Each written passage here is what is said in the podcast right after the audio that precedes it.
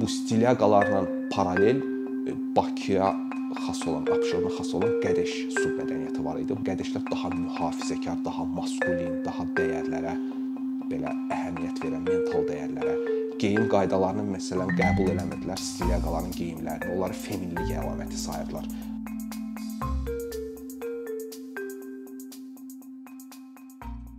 Azərbaycanda submədəniyyətlər mövzusu kifayət qədər tədqiq olunmayıb, araşdırılmayıb.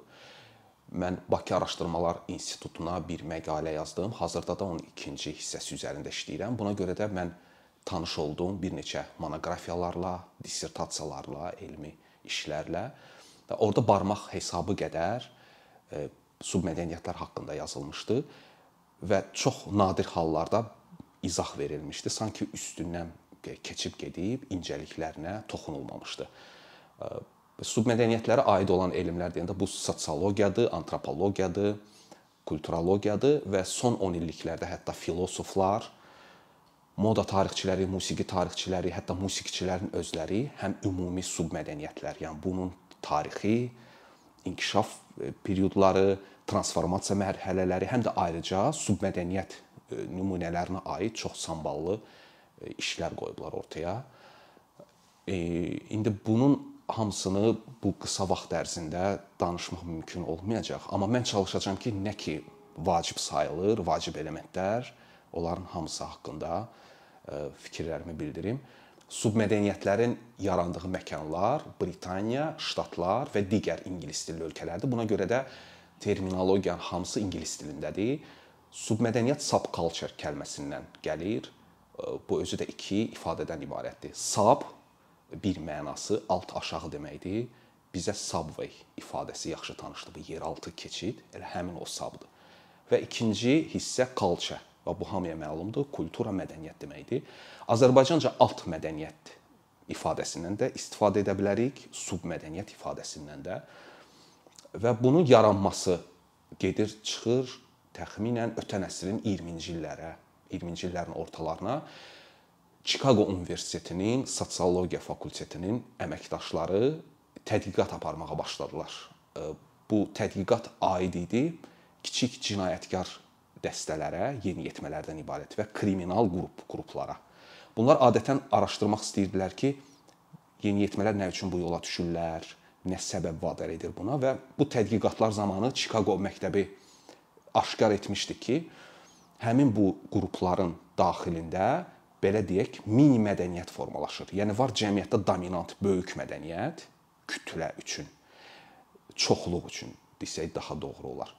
Və buna alternativ olaraq həmin bu kiçik azlıqların öz içində belə bir elementlər formalaşır. Danışıqda, davranışda, manyeralarda və bunun hamısını ümumi şəkildə use culture yəni gənclər mədəniyyəti adı altında şərh etməyə başlayırdılar.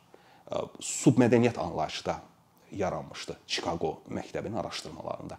Və bu birinci mərhələ 40-cı illərin sonlarına qədər, 2-ci dünya müharibəsi bitəndən sonrakı dövrə qədər çəkir. 40-cı illərin sonlarında ikinci mərhələ başlayır. Artıq sosioloqlar və bura Birmingham Universiteti də qoşulur, digər universitetin sosioloqları qoşulur. Eyni zamanda da fərdi şəkildə tədqiqatçılar artıq təkcə cinayətkar qruplarını deyil, cəmiyyətdəki bütün yeniyetmələri və gəncləri araşdırmağa başlayırlar və onlar hamısı görürlər ki, e, bayaq qeyd etdiyim kimi bu e, sosial qrupların e, daxilində bu cür belə kiçik mədəniyyətlər formalaşır və bu mərhələlərin fərqləndirilməsinin də izahı var. Belə ki, 40-cı illərdən sonra müəyyən şəraitə görə, səbəblərə görə yeniyetmə və gənclərin düşüncələri, zehniyyəti əvvəlki 10 illiklərdəki yeniyetmələrdən fərqlənirdi. Belə ki, əvvəlki 10 illiklərdə e, yeniyetmələr 15 yaşında məktəbi bitirdilər Britaniyada. Bu 70-80-lərdə 16-ya qalxdı yeniyetmələr məktəbi bitirən kimi bunlar e, böyümə perioduna, böyümə fazasına çox tez keçirdilər. Yəni necə baş verirdi bu? Fərz edək ki, oğlan uşağı yeniyetmə bitirir məktəbi, kollecə girmək elə də asan deyildi. Və bu mütləq hansısa müəssisədə işləməyə başlayırdı ailəsinə maddi kömək etmək üçün və bir növ öz yeniyetməliyini tam keçirə bilmirdi. qızlar, yeniyetmə qızlar məktəbi bitirən kimi artıq həm cəmiyyət, həm də ailə böyüklər. Bunu hazırlayırlar gələcəyin anası olmağa, ailə saxlamağa. Hətta o vaxtı ştatlarda da, Britaniyada xüsusi belə jurnallar çıxırdı, necə evdarlıq öyrənmək olar. Və bir növ belə deyək ki, cəmiyyətdə həm puritan əxlaqı vardı, həm ictimai qınaq vardı. Yəni biraz mühafizəkar cəmiyyətdə böyüyürdü bu yeniyetmələr. Amma 40-cı illərdən sonra bəzi səbəblərə görə bu iqtisadi amildir. Yəni iqtisadi bum baş vermişdi. Hətta buna kapitalizmin qızıl erası da deyirlər. Liberal dəyərlər oturuşmağa başlayırdı bu qərb ölkələrində, xüsusilə Britaniya və ştatlarda. Və e, elmi texniki proqres artıq gəncləri dəyişmişdi. Gənclər sərbəst yaşamaq istəyirdilər, öz müqəddəratını özləri həll etmək istəyirdilər. Yəni cəmiyyətin böyüklərinin diktəsi ilə oturub durmaq istəmirdilər və qeyd elədiyim kimi iqtisadi bum olduğuna görə yeniyetmələr gənclər artıq özlərinə sərf edəcək qədər pul qazanmaq istəyirdilər. Və eyni zamanda onların asudə vaxtları keçirməsi üçün də boş vaxt ol olurdu. Yəni rusca deyirlər svobodnoy деньги, svobodnoy время. Boş vaxt və boş pul və ə, həmin dövrün avtoritet ə, filosof və sosioloqlarından biri olan Talcott Parsons o banisidir.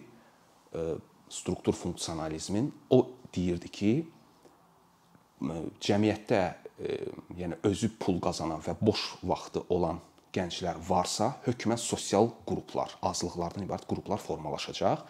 Eyni zamanda həmin dövrün araşdırmaçılarından biri sosioloq Mark Abrams belə bir termin gətirir dövrəyə, teenager. Teenager consumers, the teenager yeniyetmə kimi tərcümə edə bilərik teenager consumers e, yeniyetmə, istehlakçı yeniyetmələr.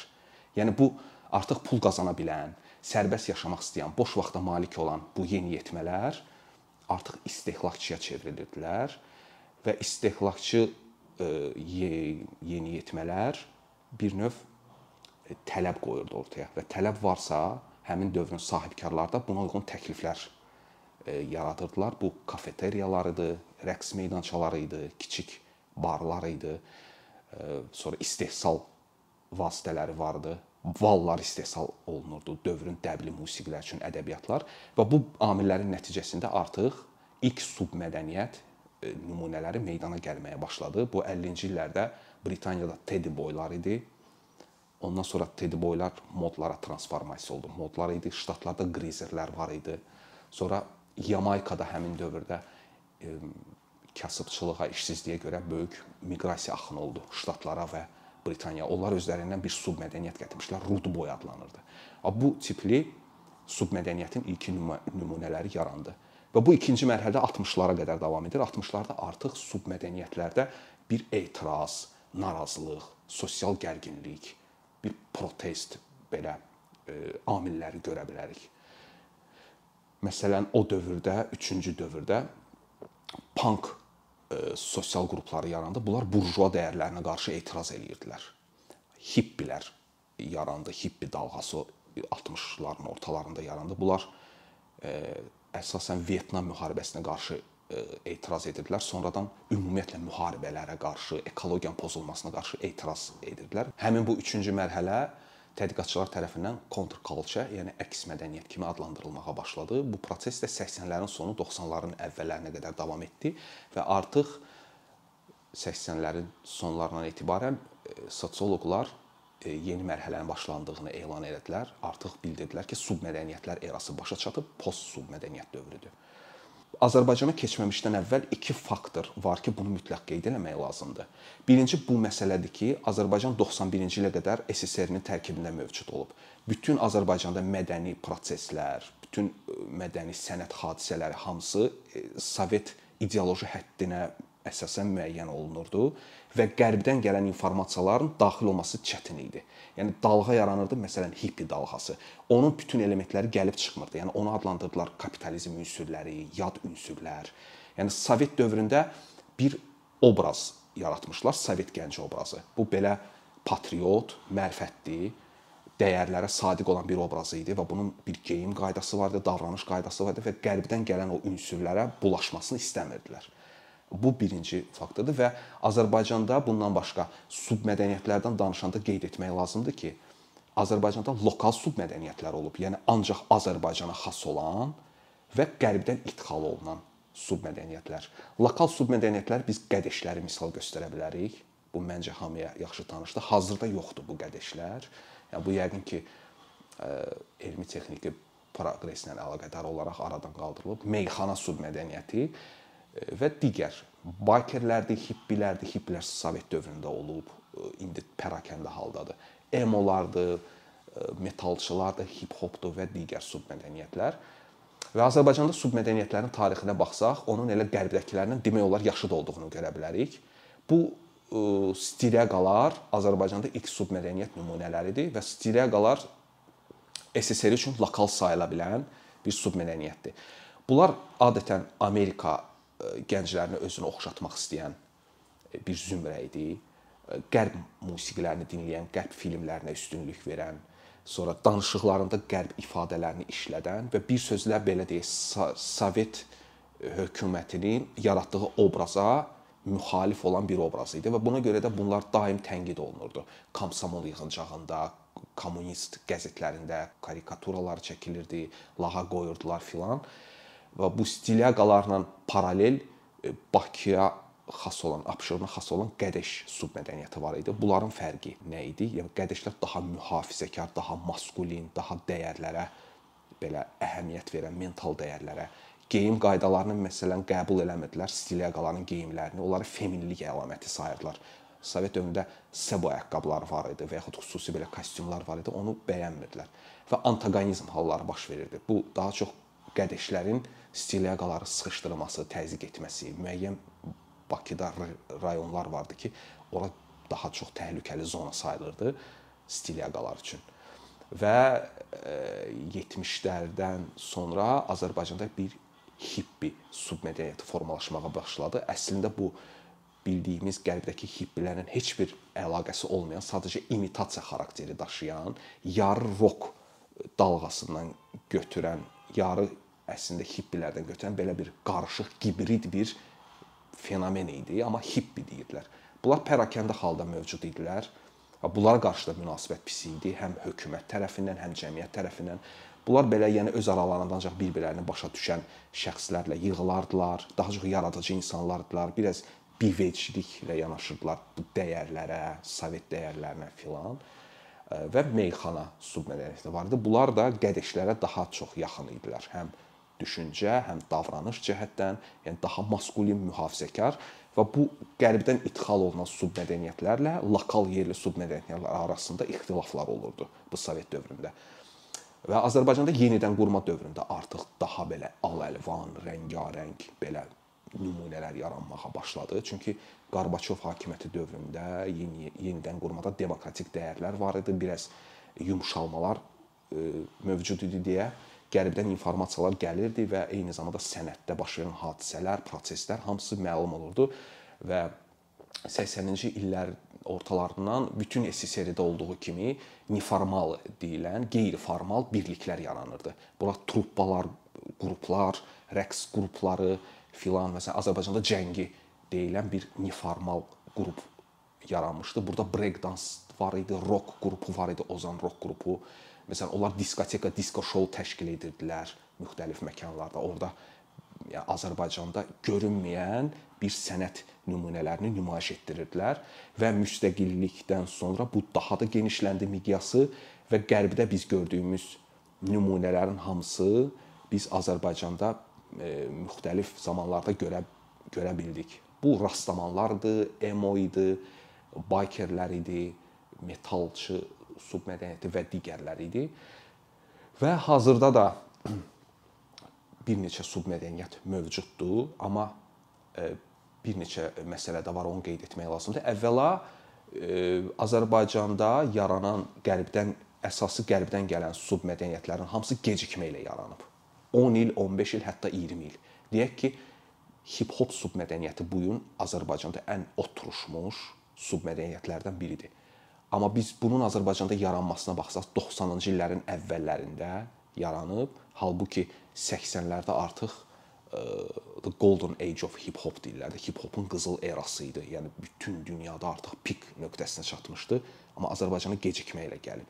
Hippiləri götürək. Hippilər 60-ların sonlarında artıq böyük dalğa yaranmışdı. E, sevgi yayı e, hadisəsi baş vermişdi, amma Azərbaycana yalnız 70-lərdən sonra gəlib çatırdı. E, və yaxud digər submədəniyyətlər. Yəni bu gecikmə ilə çatma məsələsi əsas faktorlardan biridir. İkinci, Azərbaycanda mövcud olan submədəniyyətlərin hamısı imitasiya xarakteri daşıyıb, təqlidçi rolunda olublar. Yəni orijinallığını qoruyan submədəniyyət çox belə nadir hallarda olub da. Mən şəxsi müşahidəmə əsasən deyə bilərəm ki, emolar dalğası olanda emolar qərbdəki olduğu keyfiyyətdə və olduğu elementləri tam şəkildə daşıyırdı. Amma digər submədəniyyətlər sadəcə belə deyək, təqlid təqlid eləyiblər də, müəyyən elementləri götürüblər və bu da müvəqqəti fraqmentar bir hal daşıyıb. Yəni deyək ki, rave raverlər var qərbdə. Yəni bunlar həmişə raverdir, evdə də, məktəbdə də. Amma bizdə müəyyən bir fraqment üçün kimsə raver ola bilər. Rave qutardı, gəldi evə, yenə ə, e, toy haqqında fikirləşəcək, yaxud belə necə deyim, e, məişət qayğıları, yəni çıxacaq obrazdan. Yaxud indi hiperreallıq dövrüdür də. Deyək ki, yeniyetmə sosial şəbəkələrdə hansısa qrupu görür, fərz edək ki, rastlamanlar. Maraq cəlb edir, girir orada virtual şəkildə bu rastlamana çevrilir. Amma halbuki monitoru söndürdükdən sonra bu qayıdır öz halına, öz vəziyyətinə və məlum ol ki, rastlaman deyil. Yəni bu fraqmentarlıq, müvəqqətilik də belə ə, əlamətlərdən biridir. Amma hazırda da aktiv şəkildə fəaliyyət göstərən, mövcud olan submədəniyyətlər var. Düzdür, e, daha çox mətbuatda filan işıqlandırılmasa belə, amma e, yəni istər peşəkar, istərsə də həvəskar şəkildə bunu araşdıranlar şahiddirlər ki, məsələn, baykerlər klubu var ciddi şəkildə. Məsələn, bunlar moto festivallar təşkil edirlər, moto yürüşlər edirlər. Onların öz klubları var, yığılırlar, müzakirələr filan. Məsələn, hazırda hip-hop submədəniyyəti var, metalçılar var və heç olmamaqdansa var da eləsə.